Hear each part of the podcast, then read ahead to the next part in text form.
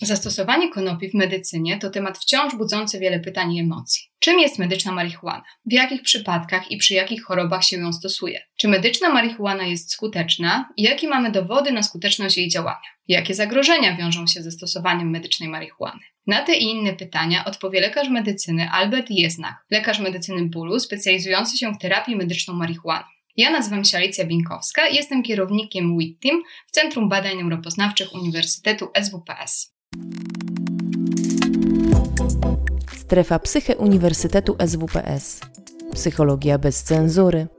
Więcej merytorycznej wiedzy psychologicznej znajdziesz na psycheswps.pl oraz w kanałach naszego projektu na YouTube i Spotify. Zapraszamy. Panie doktorze, bardzo się cieszę, że możemy dziś wspólnie porozmawiać o zastosowaniu konopi w medycynie. Pierwsze pytanie, jakie chciałabym zadać, dotyczy tego, czym jest lecznicza marihuana i czym różni się od tej używanej rekreacyjnie. E, przede wszystkim jako marihuanę medyczną możemy określić produkt, który podlega walidacji. Produkt, który jest surowcem farmaceutycznym, czyli jako surowiec farmaceutyczny musi spełniać określone normy e, narzucone przez prawo farmaceutyczne. Każda partia takiego surowca, który E, trafia do Polski, ponieważ mm, sama marihuana w Polsce obecnie nie jest produkowana. Każda partia musi przejść surowe normy, musi być stały skład w zakresie dwóch najważniejszych kanabinoidów, to znaczy THC i CBD. Są dopuszczalne e, przedziały w zakresie plus minus 10%. Natomiast no, w tym przedziale y, musi, musi się mieścić stężenie tych, tych dwóch kanabinoidów. Natomiast oczywiście na e, marihuanę składa się nie tylko THC i CBD, występuje cały szereg innych kanabinoidów. Obecnie między no już około 150 wyróżniamy, ale także związki określane jako terpeny, czyli substancje, które bardzo dobrze znamy, substancje zapachowe, e, na przykład e, limonen typowy dla cytrusów. Te substancje zapachowe również mają wpływ na działanie danej odmiany. Stąd nie można mówić o tym, że mamy jedną marihuanę medyczną. Obecnie w Polsce mamy dostępne w rzeczywistości e, w aptekach trzy odmiany marihuany medycznej. Też prawda jest taka, że z tą dostępnością tych trzech również bywa różnie. Ona nie jest stała, chociaż e, zarejestrowanych e, w bazach danych surowców farmaceutycznych jest odmian sześć. Najprawdopodobniej będą się pojawiały kolejne, ponieważ no, jest prowadzona procedura rejestracyjna. Na razie mm, jest cały czas problem z ciągłością dostaw. Na rynkach światowych generalnie brakuje marihuany medycznej, co wynika z bardzo dynamicznego rozwoju e, tego sektoru e, przemysłu farmaceutycznego. I mam nadzieję, że przeniesienie produkcji z Kanady do Europy zapewni stałość tych dostaw, co tak naprawdę jest kluczowe dla prowadzenia e, terapii u pacjentów z bólem przewlekłym. E, czyli odpowiadając, jeszcze raz reasumując, odpowiadając pewnie Pani pytanie, marihuana medyczna jest to produkt, który pacjent dostaje na zalecenie lekarza. E, jest to produkt, e, na który trzeba wystawić receptę, receptę na lek narkotyczny, lek kategorii N1 i taki lek e, zostaje wydawany przez farmaceutę. Taki lek zostaje sporządzony z surowca farmaceutycznego i jest wydany e, pacjentowi w aptece. Mówię sporządzony. No, tak naprawdę farmaceuta nie dzieli tej marihuany. Wydaje pacjentowi po prostu opakowanie wyprodukowane, zamknięte przez producenta. Dlaczego farmaceuta nie może podzielić marihuany? Otóż marihuana, zresztą jak również inne surowce roślinne jest bardzo delikatna. W momencie, w którym byśmy ją podzielili na małe porcje, e, w momencie, w którym byśmy ją zmielili, e, zaczyna się rozpadać, zaczyna e, ją się ulatniać terpeny, przyspiesza się rozpad kanabinoidów, zaczyna tracić swoje właściwości. Tutaj osoba na czacie prosi o doprecyzowanie, jak definiujemy mm, pojęcie marihuany. Okej, okay. pytanie jest dosyć trudne, ponieważ definicji jest wiele. Wydaje mi się, że taką najbardziej e, ogólną e, to jest produkt, to są suszone kwiaty i drobne liści konobi, konopi, czyli rośliny Cannabis sativa o zawartości THC powyżej 0,2 lub 0,3%. W zależności od przepisów, które panują w danym kraju. Jeżeli mamy y, styczność z rośliną cannabis sativa poniżej, zawartością THC poniżej 0,2%, wtedy mm, raczej mówimy o konopiach siewnych, konopiach przemysłowych. Tak? Natomiast e, za marihuanę możemy uważać e, zarówno cannabis sativa sativa, jak i cannabis sativa indica, e, jak i cannabis sativa ruderalis. A tak naprawdę najczęściej mamy do czynienia z odmianami, które są hybrydami. Cannabis sativa sativa i cannabis sativa indica. Czyli tak naprawdę nie sposób jest podać jedną definicję. Najbardziej ogólnie chodzi o części rośliny cannabis sativa, kwiaty i drobne liście, e, zawierające THC oraz inne kanabinoidy. Osoby na czacie proszą jeszcze o potwierdzenie. Rozumiem, że chodzi o dopuszczone odmiany medyczne Polsce. Czy, jest ich, czy są trzy, czy też jest ich sześć? W bazach surowców farmaceutycznych jest obecnie sześć odmian różnych. Natomiast w rzeczywistości w hurtowniach farmaceutycznych pojawiają się trzy różne odmiany. Część z tych odmian, która widnieje w bazach surowców farmaceutycznych, była dostępna kiedyś przez krótki okres czasu, później została wycofana z różnych przyczyn. Niektóre z tych odmian istnieją w bazach surowców farmaceutycznych, ale jeszcze nie trafiły e, na rynek, jeszcze nie trafiły do hurtowni farmaceutycznych. Czyli w rzeczywistości mówimy o trzech odmianach, e, które są dostępne też z przerwami. A w jakich przypadkach i przy jakich chorobach stosujemy mm, leczenie marihuaną, czy też konopiami indyjskimi? Tak naprawdę takie wyraźne wytyczne dotyczące stosowania konopi mamy e, jedynie w przypadku bólu neuropatycznego e, jako leczenie czwartego rzutu oraz w przypadku e, spastyczności w przebiegu stwardnienia rozsianego, ale też w przypadku bólu związanego z bólu, który jest w przypadku stwardnienia rozsianego, jako leczenie drugiego rzutu.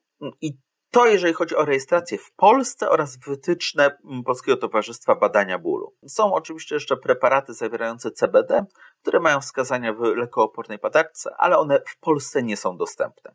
Czyli tak naprawdę takie oficjalne wskazania to jest stwardnienie rozsiane. Tutaj mamy lek gotowy, który ma rejestrację w tym wskazaniu e, oraz w przypadku suszonych kwiatów konopi w bólu neuropatycznym jako leczenie czwartego rzutu, czyli już po zastosowaniu, po udowodnionej nieskuteczności leków e, przeciwpadaczkowych, leków e, przeciwdepresyjnych, trójpierścieniowych leków przeciwdepresyjnych, SNRI-ów, nawet po udowodnionej nieskuteczności leków opioidowych, które generalnie nie są skuteczne w bólu neuropatycznym, z pewnymi wyjątkami. Natomiast są też pewne jednostki chorobowe, w przypadku których nie ma ustalonych schematów leczenia, takie jak na przykład fibromialgia.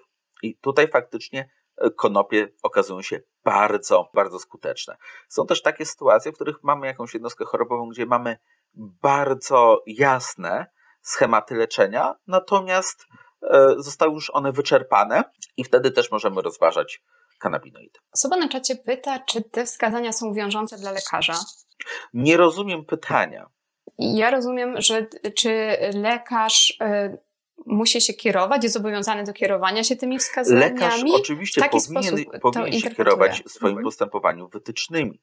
Natomiast wytyczne nie obejmują y, indywidualnej sytuacji pacjenta. Tak? Znaczy przede wszystkim lekarz powinien się kierować dobrem pacjenta w swoim postępowaniu. Często jest tak, że e, zwłaszcza w poradni leczenia bólu, że leczymy poza oficjalnymi wytycznymi, na przykład ze względu na interakcje lekowe, ze względu na nietolerancję leków, e, ze względu na przeciwwskazania do danej terapii. E, stąd terapia medyczną marihuaną wymaga bardzo indywidualnego podejścia do każdego problemu. Natomiast ja uważam, że w ogóle medycyna wymaga takiego indywidualnego podejścia do, do pacjenta. E, na czacie pojawiło się również pytanie, co znaczy stosować off-label?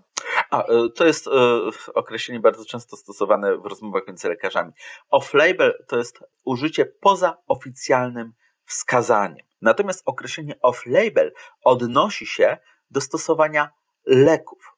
Czyli lek jest zarejestrowany w jakimś konkretnym wskazaniu. Tak? Na przykład nie mamy żadnego leku, który byłby zarejestrowany we wskazaniu w leczeniu fibromialgii. Tak? Więc jeżeli stosuję lek przeciwpadaczkowy fibromialgii czy przeciwdepresyjny fibromialgii, to w pewnym sensie stosuję go off-label, tak? czyli poza oficjalnymi wskazaniami, natomiast jak najbardziej zgodnie z obecną wiedzą naukową, zgodnie ze sztuką lekarską. Wynika to z tego, że e, oficjalne wskazania no, nie nadążają za zmieniającą się e, bardzo dynamiczną nauką, za rozwojem wiedzy. Zazwyczaj aktualizacja tych wskazań zajmuje kilka często kilkanaście lat, a czasami w ogóle nie są aktualizowane. Pojawiło się również pytanie dotyczące tego, czy olejek CBD może wspomóc przy spastyczności mięśni i stawów, e, jeżeli ktoś cierpi na stwardnienie rozsiane. Czy może też poprawić komfort e, życia, bądź złagodzić drżenie i drętwienia? Zdecydowanie e, CBD ma działanie miorelaksacyjne i tak jak wspomniałem, jest zarejestrowany preparat, to jest lek gotowy, który jest wyciągiem E, z konopi, zawierającym zarówno CBD, jak i THC w stężeniu e, no, bliskim 1 do 1, właśnie we wskazaniu posiadającym stwardnienie rozsiane, łagodzenie spastyczności przebiegu stwardnienia rozsianego. Także e, CBD jak najbardziej można stosować przy stwardnieniu rozsianym do łagodzenia elastyczności. Natomiast wydaje mi się, że w przypadku stwardnienia rozsianego lepszy efekt można osiągnąć łącząc CBD razem z THC. Mhm, I dokładnie tego e, dotyczy kolejne pytanie, a mianowicie leku na spastyczność w stwardnieniu rozsianym. Rozumiem, że chodzi o ten na bazie konopi indyjskich. No tak, mamy, mamy taki jeden lek. E, z mojego doświadczenia niewielu pacjentów z niego korzysta głównie ze względu na to, że ma bardzo wysoką cenę. Ja w mojej praktyce e, też w zasadzie nie korzystam z tego leku gotowego, również właśnie z tych przyczyn farmakoekonomicznych. Po prostu jest bardzo drogi. E, stąd e, leczenie konopiami, czyli suszonymi kwiatami konopi, które są dostępne jako surowiec farmaceutyczny, również będące bardzo drogim leczeniem, w moim mniemaniu, no, wychodzi kilkukrotnie taniej niż leczenie preparatem gotowym. Jest pytanie o nazwę tego leku. To jest Sativex. To mamy tylko jeden taki preparat, więc. Yy, więc to. Tak, tak, tak nie, no. bo tutaj, tutaj właśnie też e, było stricte pytanie mm, o to. O znaczy, ja, ja nie chcę się odnosić do żadnych konkretnych produktów E, konkretnych firm w trakcie tego webinaru, także czasami będę mówił bardziej ogólnie, tak? E, natomiast no, mamy tylko jeden taki preparat w Polsce, więc. Oczywiście. E, jest również, jest kilka pytań odnośnie CBD, a mianowicie, czy biorąc CBD w przypadku stresu, Myślę, że chodzi tutaj przede wszystkim o lejki CBD, bądź też może susz. Można w jakiś sposób uszkodzić mózg, tak jak przy stosowaniu narkotyków. Dostępne badania wskazują na to, że CBD ma działanie raczej neuroprotekcyjne, czyli ochronne na neurony. Natomiast no, jeżeli ktoś ma problem y, ze stresem, czyli czymś, co w medycynie określamy jako lęk, to ja uważam, że jednak zasadnie jest skonsultować się albo z lekarzem psychiatrą, co myślę, że dla naszego pokolenia milenialsów już nie jest tematem tabu, y, albo z psychologiem. Oczywiście CBD działa przez układ serotoninergiczny, tak? czyli przez ten sam układ, przez który działają powszechnie stosowane leki yy, przeciwlękowe, przeciwdepresyjne. Tak? Bardzo, yy, bardzo często stosowana fluoksetyna, escitalopram.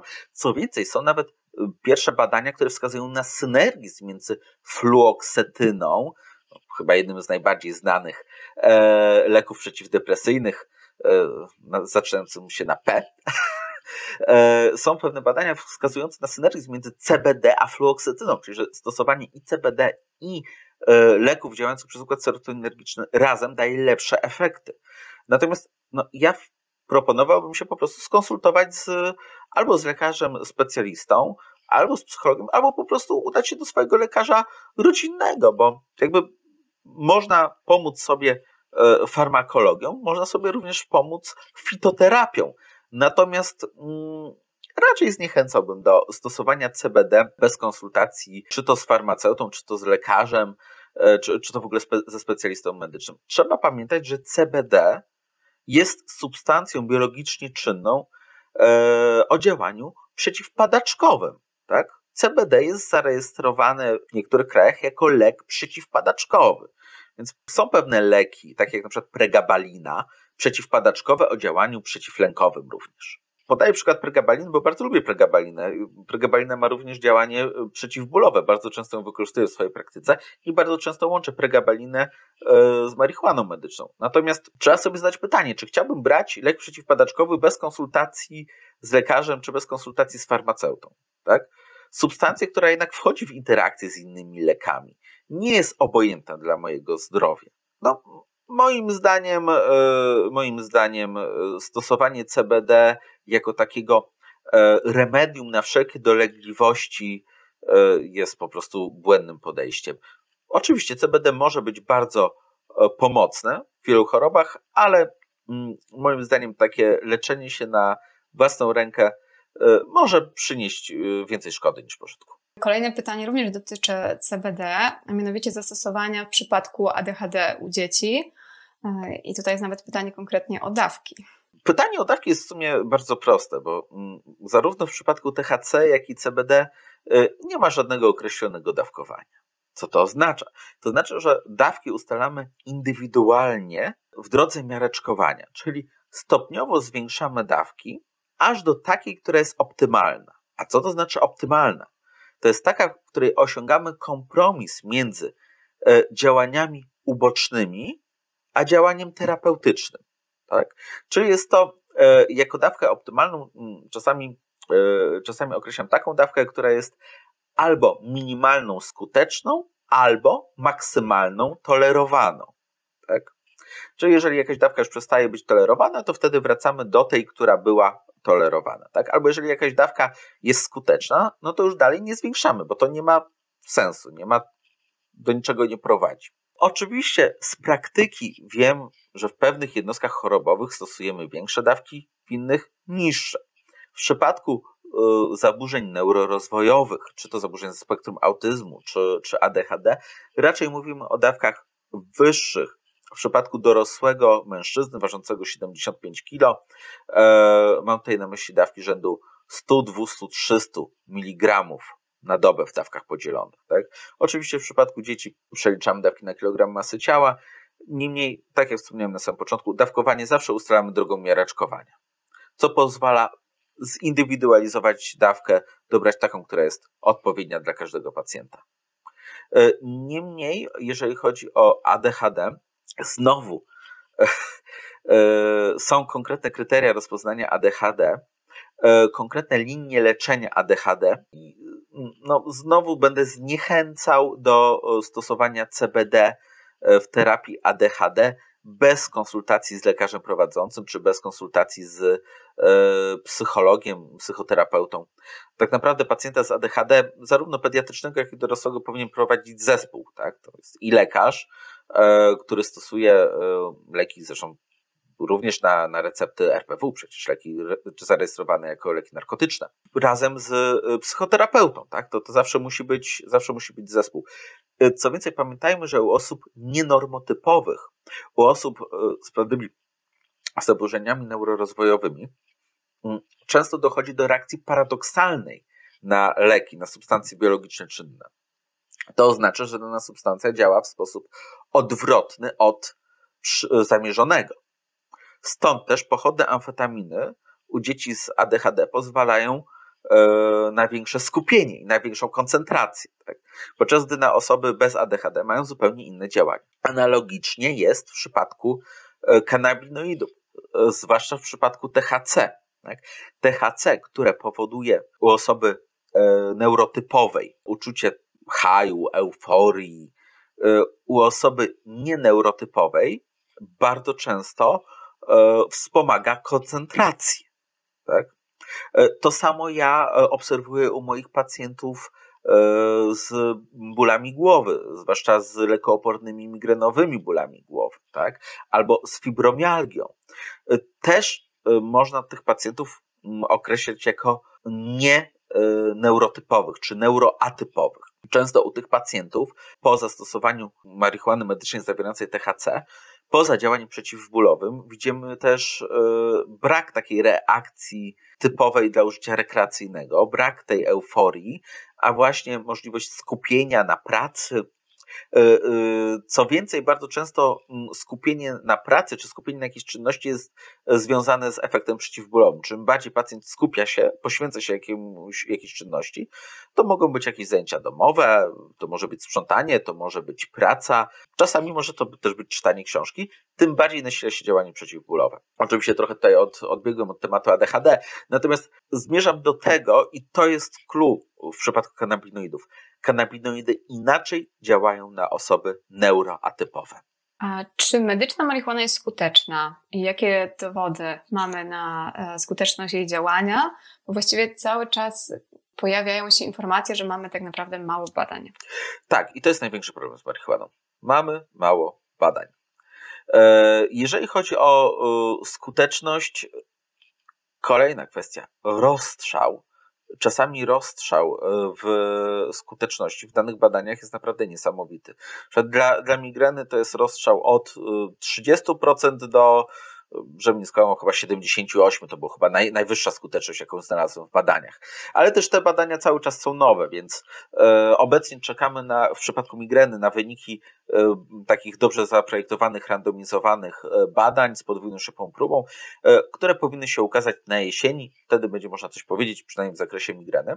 Cały czas tych badań jest e, za mało. Tak naprawdę w medycynie największą wartość mają metaanalizy, tak? czyli sytuacje, w której mamy liczne badania, najlepiej jeszcze badania wieloośrodkowe na dużych populacjach i dopiero te badania wieloośrodkowe podajemy metaanalizie i z tego wyciągamy odpowiednie wnioski. Dlatego też marihuana nie jest leczeniem pierwszego rzutu, tak? dlatego też nie jest leczeniem z wyboru, ze względu na to, że mamy za mało badań. Natomiast no, z mojej praktyki klinicznej mogę powiedzieć tyle, że tak, pomaga. No, mam pacjentów, na przykład z fibromialgią, u których inne leki albo nie działały, albo, co częstsze, działały, natomiast działania uboczne były całkowicie nieakceptowalne, bo ci pacjenci biorąc, stosując te leki może bólu nie czuli, ale nie byli w stanie normalnie funkcjonować, nie byli w stanie pracować, nie byli w stanie studiować, e, nie byli w stanie cieszyć się życiem i, i ci pacjenci no, nie wyobrażają sobie życia bez yy, marihuany medycznej. Znaczy, jakby cytuję, tak, tak, e, tak, tak ostatnio jeden z moich pacjentów e, powiedział, że, że gdyby wycofali to marihuanę, to w zasadzie nie wie, co by zrobił. Pewnie rozważałby emigrację do kraju, w którym jest dostępna. Także na pewno jest pewna e, grupa pacjentów, którym ta marihuana medyczna bardzo pomogła i bardzo podniosła komfort ich życia. Natomiast myślę, że ta grupa pacjentów wcale nie jest tak duża.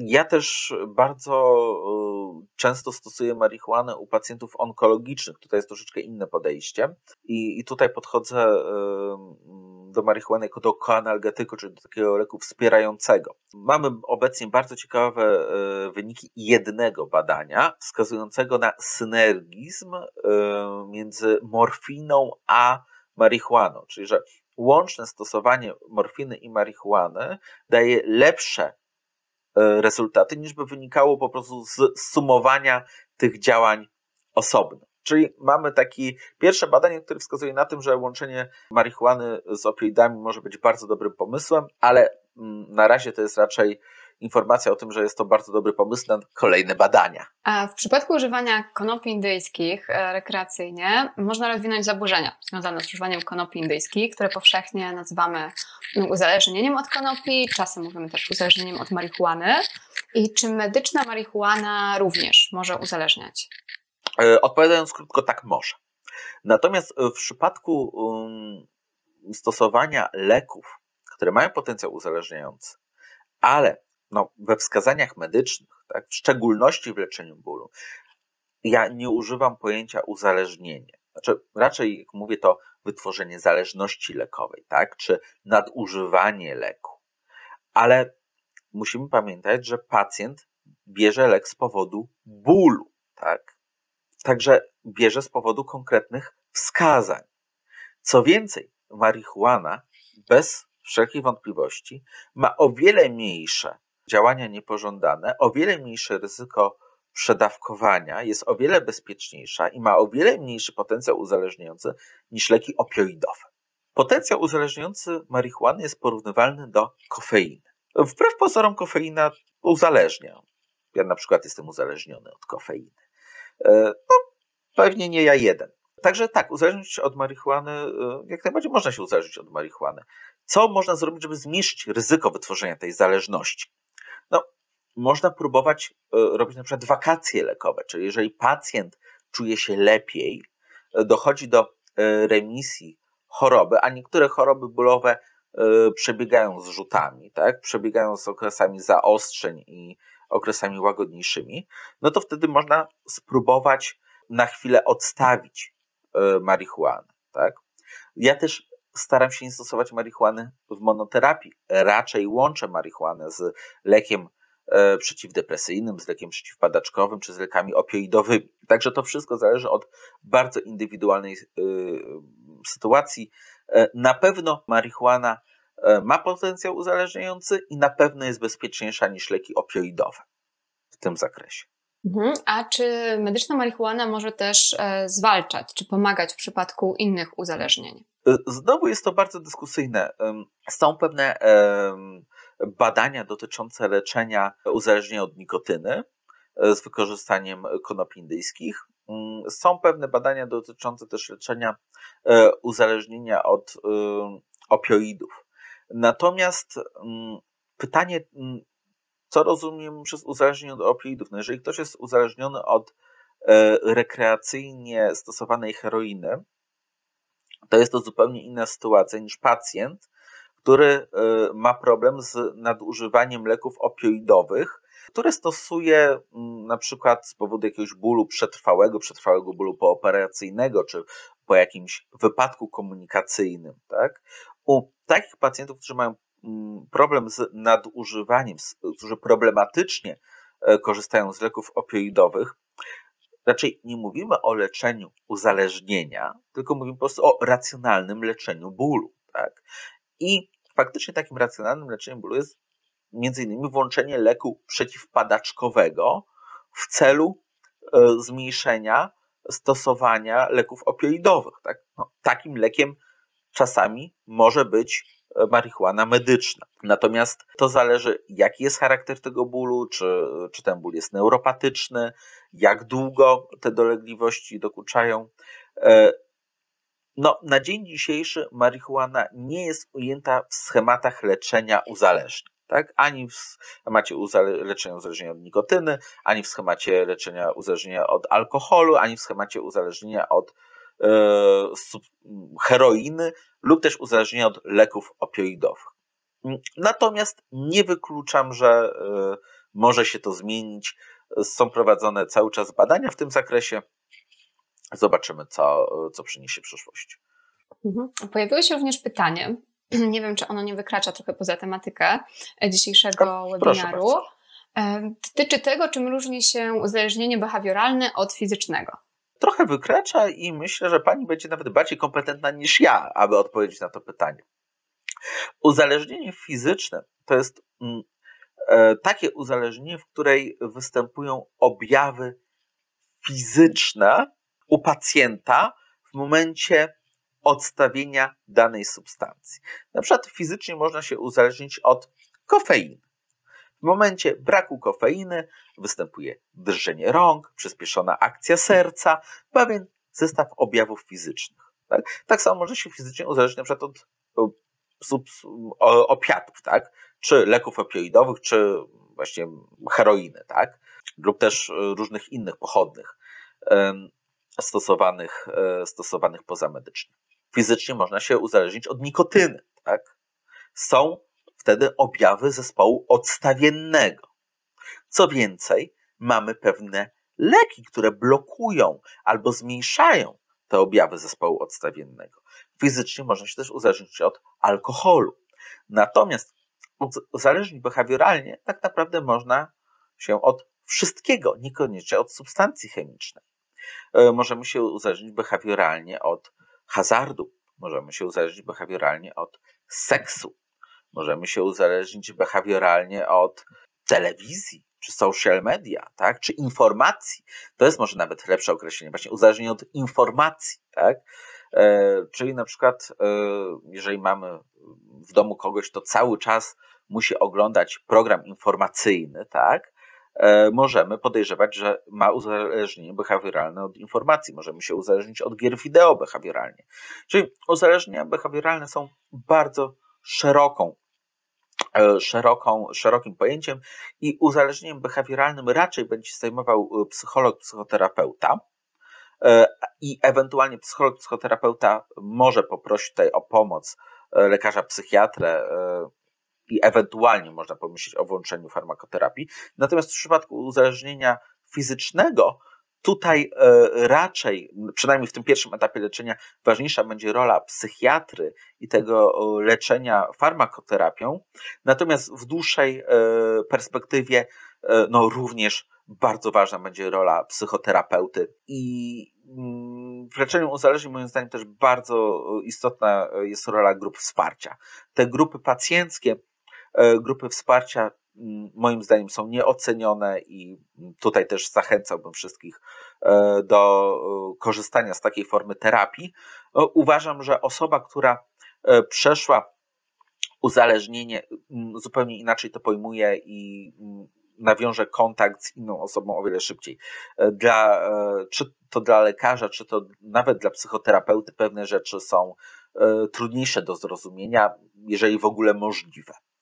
E, do zrozumienia. Jednak osoba, która jest w jakimś uzależnieniu, no moim, z mojego doświadczenia bardzo często to wypiera i dopiero w kontakcie z inną osobą uzależnioną jest w stanie pewne rzeczy zrozumieć. Kolejne pytanie dotyczy tego, czy leczenie konopiami może pogłębić stany depresyjne. Leczenie konopiami może pogłębić stany depresyjne. W szczególności THC może nasilać objawy lękowe zwłaszcza duże dawki THC, te, które ja stosuję w leczeniu bólu, mogą mieć działanie prolękowe, co może pogłębiać stany depresyjne, co może pogłębiać depresję. Niemniej e, jest to mm, raczej działanie e, paradoksalne, tak? E, nie u każdego pacjenta występują stany lękowe, nawet przy dużych dawkach THC. E, dlatego też moi e, koledzy e, psychiatrzy są bardzo ostrożni w stosowaniu kanabinoidów w przypadku pacjentów z depresją. No, tak jak wspomniałem, mamy jedno badanie, które wykazuje synergizm między CBD a fluoksetyną, tak, czyli lekiem przeciwdepresyjnym. I jeżeli mówimy o leczeniu depresji mm, czy leczeniu zaburzeń lękowych, to raczej myślimy o CBD, który ma działanie z jednej strony hamujące na receptory CB, a z drugiej strony działa przez układ serotoninergiczny, czyli właśnie pokazuje to działanie przeciwlękowe.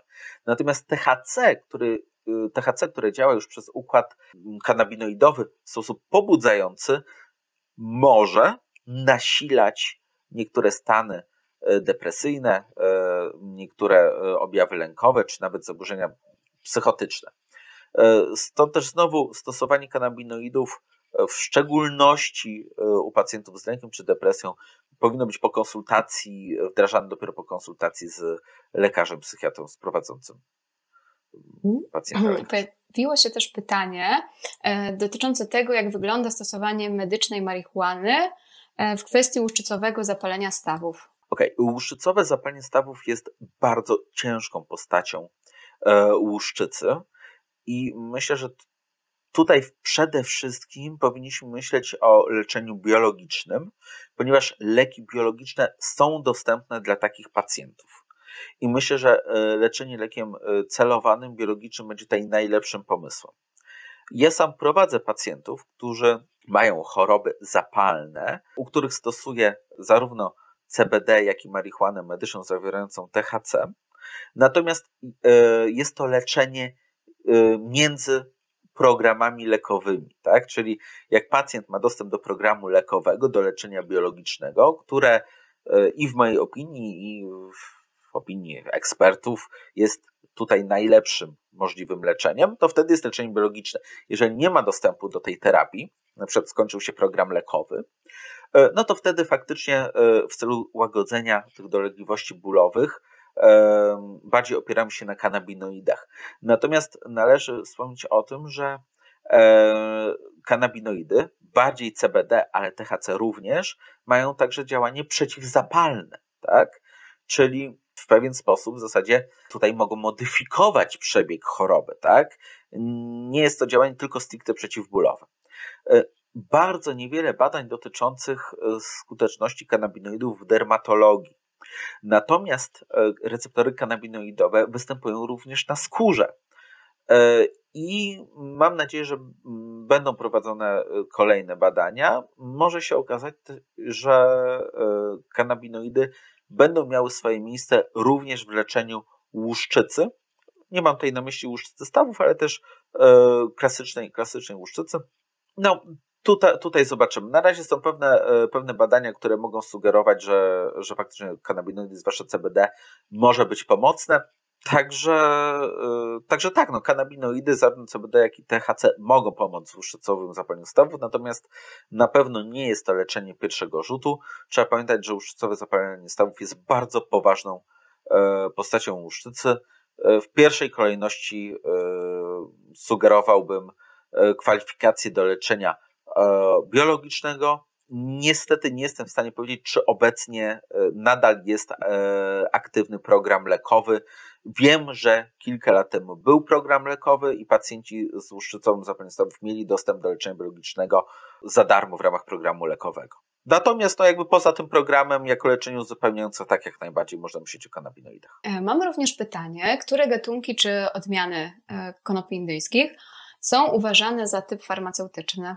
Nie ma takiego podziału. To, że jakaś odmiana jest uznawana za e, odmianę medyczną, farmaceutyczną, wynika z tego, w jaki sposób jest hodowana, z tego, że jest powtarzalność, tak? że te odmiany e, są hodowane poprzez e, robienie sadzonek z jednej rośliny, tak? czyli wszystkie genetycznie są identyczne.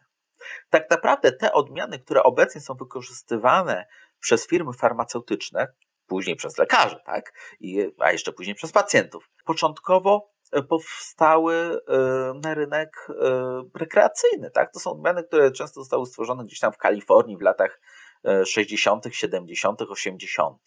Chociażby takie odmiany jak e, LA Confidential czy Lemon Skunk początkowo powstały po prostu na, na, na rynku czysto rekreacyjnym. Dopiero później zauważono, że one mają pewien potencjał medyczny, zostały wykorzystane e, w celach medycznych, zostały wyizolowane czyste linie, e, które teraz są, czyste linie genetyczne, które teraz są e, dalej prowadzone przez jako dane kultywary przez firmy, które produkują medyczną marihuanę.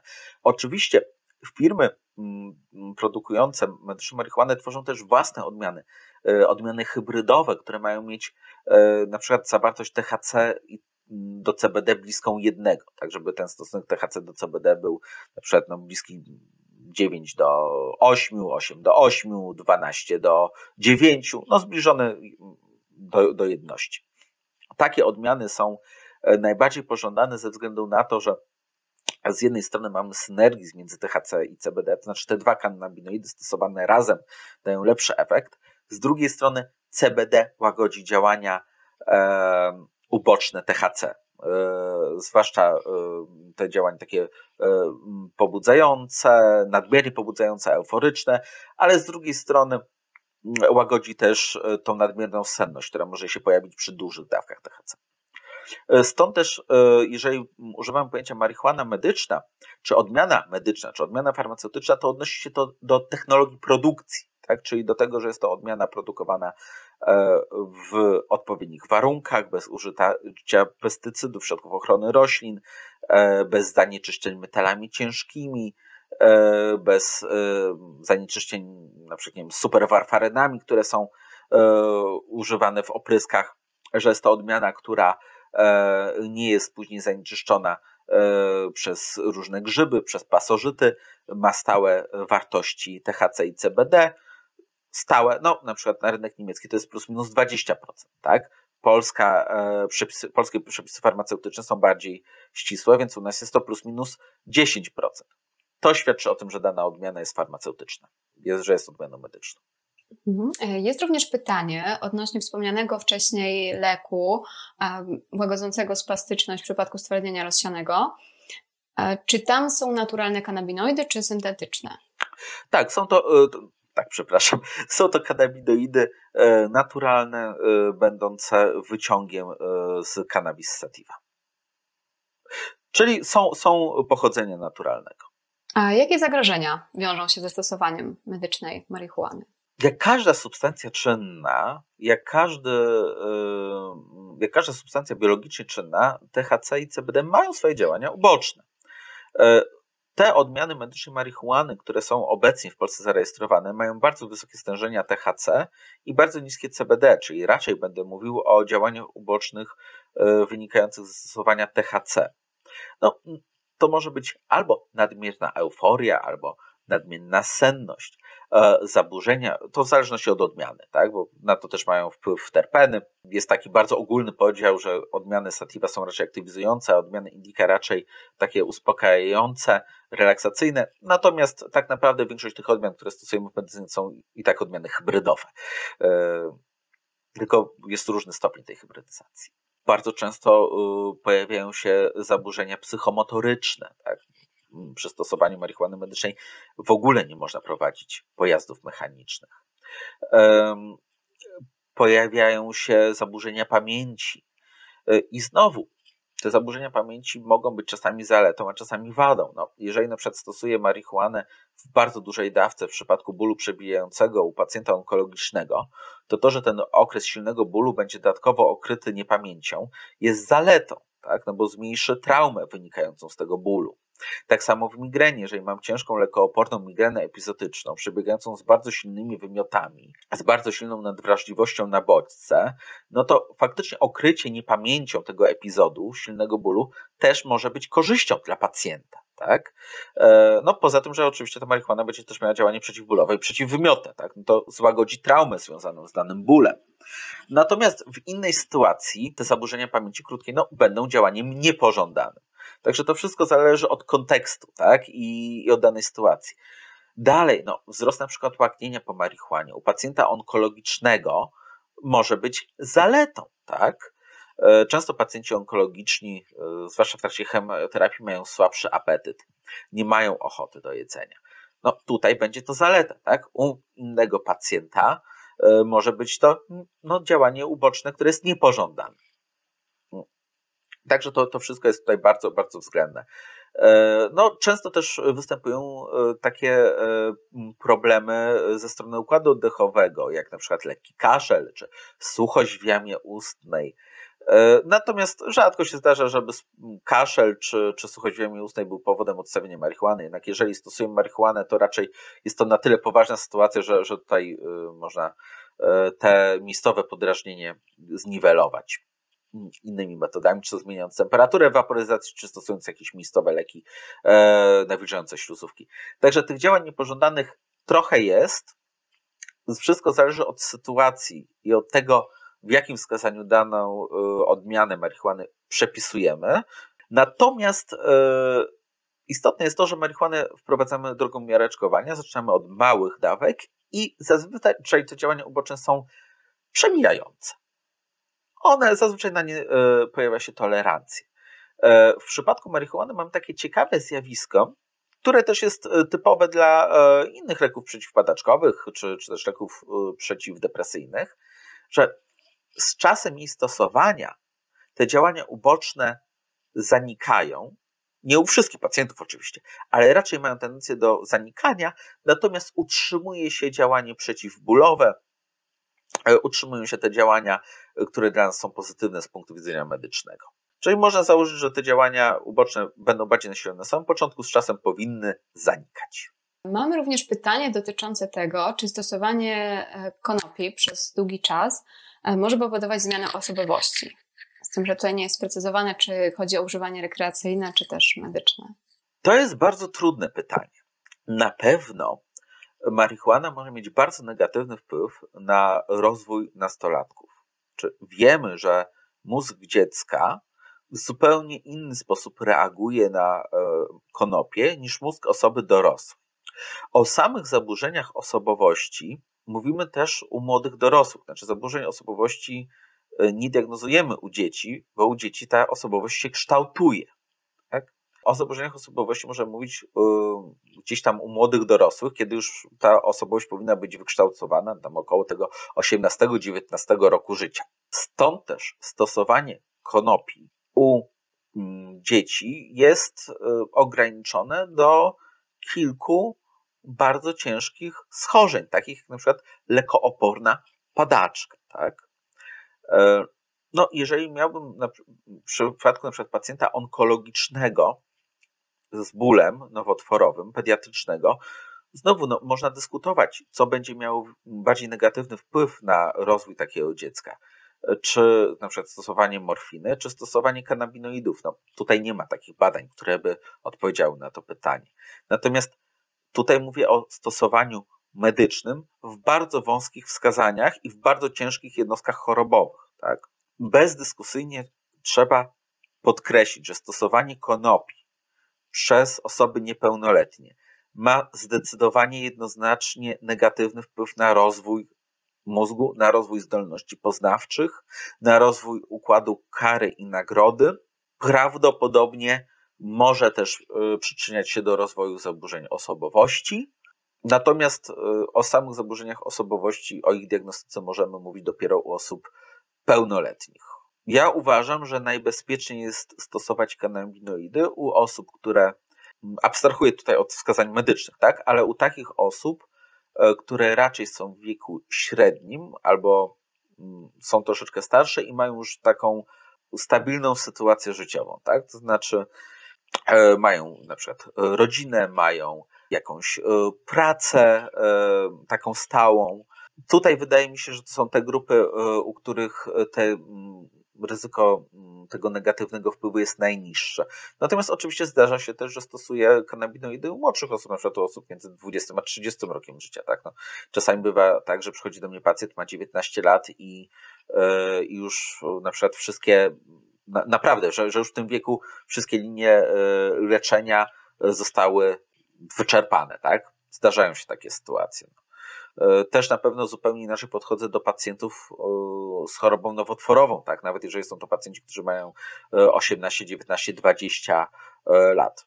Także tutaj trzeba podchodzić do tego bardzo indywidualnie i trzeba bardzo różnicować zastosowanie medyczne od stosowania rekreacyjnego. A pojawiło się też, e, myślę, bardzo ciekawe pytanie, jaki wpływ na działanie mm, medycznej marihuany ma sposób jej przyjmowania? Czy to jest palenie, czy to jest waporyzacja? Czy to o, są tak, oleje? Znaczy przede wszystkim e, Przede wszystkim palenie e, marihuany jest e, użyciem rekreacyjnym, jest całkowicie nieakceptowalne z medycznego punktu widzenia. Z różnych względów. Po pierwsze, jest niezdrowe. Tak jak palenie czegokolwiek jest niezdrowe, no, do płuc dostają się substancje smoliste, które są rakotwórcze. Z drugiej strony, medycznej, ze strony przy, formy przyjmowania substancji leczniczej jest też e, farmakoekonomicznie nierozsądne, ponieważ w trakcie palenia e, dochodzi do zniszczenia od 30 do 50% THC, czyli substancji czynnej, na której nam zależy. Tak? Mm, stąd też medycznie stosujemy kanabinoidy albo w formie waporyzacji, albo w formie sprayu donosowego, albo w formie doustnej. No i tutaj faktycznie w różnych krajach e, są e, zarejestrowane preparaty e, albo w formie ekstraktów, w formie kropli. W niektórych krajach są też dostępne preparaty w formie tabletek żelowych. Wiem, że w Nowej Zelandii jest teraz próba rejestracji tabletek z CBD o zmodyfikowanym uwalnianiu. Albo w Nowej Zelandii, albo w Australii, nie jestem pewien. Także te formy są różne. No, podstawowa różnica między waporyzacją a podaniem doustnym jest tak, e, każda waporyzacja działa bardzo szybko, ale bardzo krótko. Czyli w formie waporyzacji to działanie utrzymuje się 2-4 godziny, raczej 3-4. E, natomiast początek działania jest mniej więcej po 5 minutach, pik po 15. No, w przypadku podania doustnego to działanie jest o wiele później zauważalne, tak mniej więcej po 30-60 minutach utrzymuje się około 8 e, godzin. E, natomiast tutaj też chciałbym zauważyć, że mm, z medycznego punktu widzenia, czy z bromatologicznego punktu widzenia, nieakceptowalne jest stosowanie marihuany w formie na przykład wypieków kulinarnych. Tak? Znaczy, mm, Wiem, że na przykład powstają takie programy kulinarne o marihuanie, nawet przez duże sieci telewizji internetowej, które są zresztą bardzo ciekawe. Natomiast nie jest to forma akceptowalna medycznie. Tak? Obecnie mamy zarejestrowane suszone kwiaty konopi. Tutaj akceptowalną medycznie formą przyjmowania leku jest waporyzacja. Czekamy na rejestrację ekstraktów jako surowca farmaceutycznego. Będą dostępne ekstrakty, będzie można również e, stosować kanabinoidy, czy to per os, czy to wymyślać jakieś bardziej ciekawe receptury, na przykład w postaci maści transdermalnych, e, czopków, na przykład w, w zapaleniu jelita grubego, e, albo globulek dopochwowych, e, na przykład u pacjentek z bólami krocza w przebiegu endometriozy chociażby. No oczywiście mamy też ten preparat donosowy, który jest zarejestrowany jako lek gotowy. I ostatnie już pytanie e, dotyczy tego, czy można stosować e, konopie w przypadku neuralgii. No, tak, jak wspomniałem na samym początku, właśnie neuralgia, właśnie ból neuropatyczny jest tym wskazaniem, w którym marihuana, kanabinoidy właśnie zostały ujęte jako ta czwarta linia leczenia przez Polskie Towarzystwo Badania Bólu. E, ja osobiście uważam, że ta czwarta linia leczenia no, mam nadzieję, że, że później, e, że to jednak e, trafi do tej trzeciej linii leczenia. E, w mojej osobistej, ja osobiście uważam, że wraz z pojawieniem się nowych wyników badań, ta pozycja kanabinoidów będzie się cały czas umacniać. Tym bardziej, że ta trzecia linia leczenia bólu neuropatycznego, czyli leki opioidowe, no tak jak wspomniałem, te leki nie są skuteczne w tym rodzaju bólu. Także no jak, jak najbardziej właśnie neuralgia, lekooporna neuralgia, neuralgia jest tutaj wskazaniem do stosowania marihuany medycznej. Mhm, pojawiło się jeszcze ostatnie pytanie. Myślę, że może y, jest dość istotne w kontekście dzisiejszej Oczywiście. rozmowy. E, w jakiej temperaturze powinno się waporyzować marihuanę? Znowu odpowiem, to zależy. Wszystko zależy od sytuacji. E, dla e, THC temperatura wrzenia to jest 176 stopni. Tak? Dla CBD, no przyjmijmy, że 180 jest tą granicą. Taką standardową temperaturą waporyzacji, którą zazwyczaj e, zalecam, to jest 186 stopni. Natomiast znowu, jeżeli pacjent e, dobrze toleruje wyższą temperaturę, można ją zwiększyć. W niektórych sytuacjach zalecam niższą temperaturę, zwłaszcza jeżeli mam na przykład pacjentów czy pacjentki z migreną, gdzie jest nadwrażliwość na te bodźce zapachowe. Tutaj często ta niższa temperatura jest lepiej tolerowana. Z drugiej strony też w niektórych jednostkach chorobowych bardziej zależy nam na e, zawartości THC, tak jak właśnie w przypadku e, pierwotnych bólów głowy. W innych ważna jest zawartość i THC i CBD, jak na przykład w łagodzeniu objawów chemioterapii czy w łagodzeniu bólu nowotworowego. Także zależy to od tego, na jakim, na których kanabinoidach najbardziej nam zależy, od tego, jaką odmianę przepisałem, e, znaczy obecnie są, są tylko odmiany zawierające e, dużą zawartość THC i małą CBD, ale był taki okres, kiedy były też dostępne odmiany z dużą zawartością CBD, a niską THC i był bardzo krótki okres, kiedy była odmiana o zbliżonej zawartości THC do CBD. Tak? Czy na przykład no, zalecanie odmiany o wysokiej zawartości CBD yy, i zalecanie temperatury waporyzacji 163 stopni nie ma najmniejszego sensu, tak? Bo tutaj ta temperatura powyżej, powinna być powyżej 180. Ale już w niektórych przypadkach można zalecić odmianę zawierającą dużą zawartość THC i temperaturę waporyzacji na przykład 163 stopnie. Jeżeli pacjent yy, nie tolerował leku, nie tolerował waporyzacji w wyższej temperaturze. To jest bardzo indywidualne i powinno być dostosowane do, do danego pacjenta, jego tolerancji na lek, jego y, problemów, jego jednostki chorobowej, którą leczymy. Pojawiło się jeszcze jedno pytanie i ja myślę, że ono jest idealne, żeby domknąć naszą dzisiejszą rozmowę. Pytanie jest zadane przez osobę, która jest naukowcem i pracuje na pograniczu chemii i biologii. E, czy widzi Pan jakieś obszary, które wymagały przez nas opracowania nowych formulacji? Znowu nie do końca wiem, jak rozumieć to pytanie. E, przede wszystkim, nie wiem, czy chodzi o nowe formulacje leków, czy.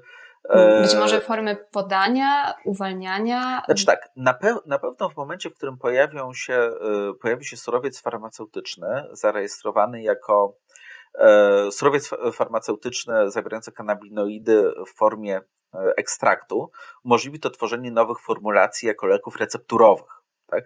Natomiast no, to jest wyzwanie dla lekarzy i farmaceutów, tak? nie dla naukowców. Ja uważam, że to, co jest najbardziej ekscytujące w przypadku konopi, hmm, to wcale nie same konopie, tylko układ endokanabinoidowy. To, że mamy nowy układ receptorów e, odpowiedzialnych za wiele różnych funkcji w naszym e, organizmie.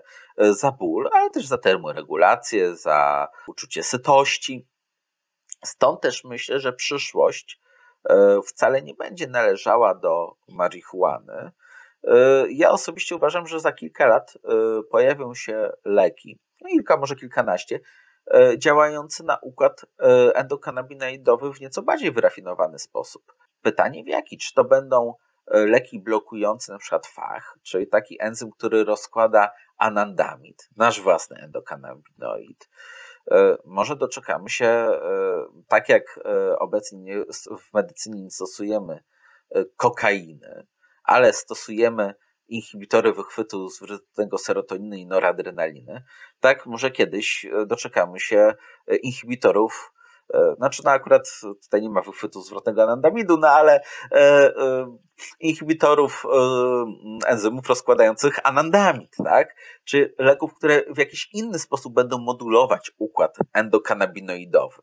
No, myślę, że to jest tutaj najbardziej, e, najbardziej intrygujące. Oczywiście obecnie powstają też syntetyczne kanabinoidy.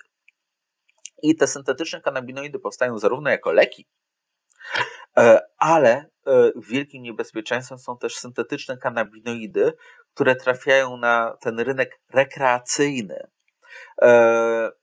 i e, no one czasami e, są klasyfikowane jako narkotyki, e, czasami pojawiają się jako dopalacze, to tutaj w zależności od, w zależności od kraju i w zależności od przepisów. Obecnie te polskie przepisy prawa antynarkotykowego zostały tak zmodyfikowane, że pojawienie się nowych syntetycznych substancji czy nowych syntetycznych kanabinoidów pozwala bardzo, pozwala określić je jako substancje narkotyczne. I dobrze, bo są to y, produkty nieprzebadane, produkty potencjalnie bardzo szkodliwe, wprowadzane na rynek y, w sposób całkowicie no, nielegalny, tak? Czyli z jednej strony syntetyczne endokanabinoidy owszem pojawiają się y, jako leki, ale są to produkty przebadane, ale pojawiają się też jako narkotyki na rynku rekreacyjnym i tutaj może być to bardzo niebezpieczne. Warto tutaj siedzieć informacje mm, GIF-u na ten temat. Przynajmniej ja śledzę. Mhm. E, dziękujemy bardzo za ogromną porcję bardzo wartościowej wiedzy e, i za rozmowę. Dziękujemy również Państwu za obecność i zaangażowanie. I jeszcze, jeżeli tylko mogę prosić, jeżeli by się pojawiły jakieś e, pytania, myślę, że można wysłać maila, czy, czy proszę o podanie maila. Wtedy też postarałbym się na nie odpowiedzieć. W szczególności e, prosiłbym o doprecyzowanie tego pytania dotyczącego nowych formulacji, bo nie wiem, czy chodzi o e, nowe formulacje, czyli nowe receptury, i to na pewno pojawi się bardzo szybko, jak tylko pojawią się ekstrakty, czy chodzi po prostu o nowe substancje czynne. No i tutaj, jak wiadomo, droga do rejestracji nowego leku jest obecnie bardzo długa i niesamowicie kosztochłonna. Także tutaj Być może to będzie początek bardzo interesującej współpracy.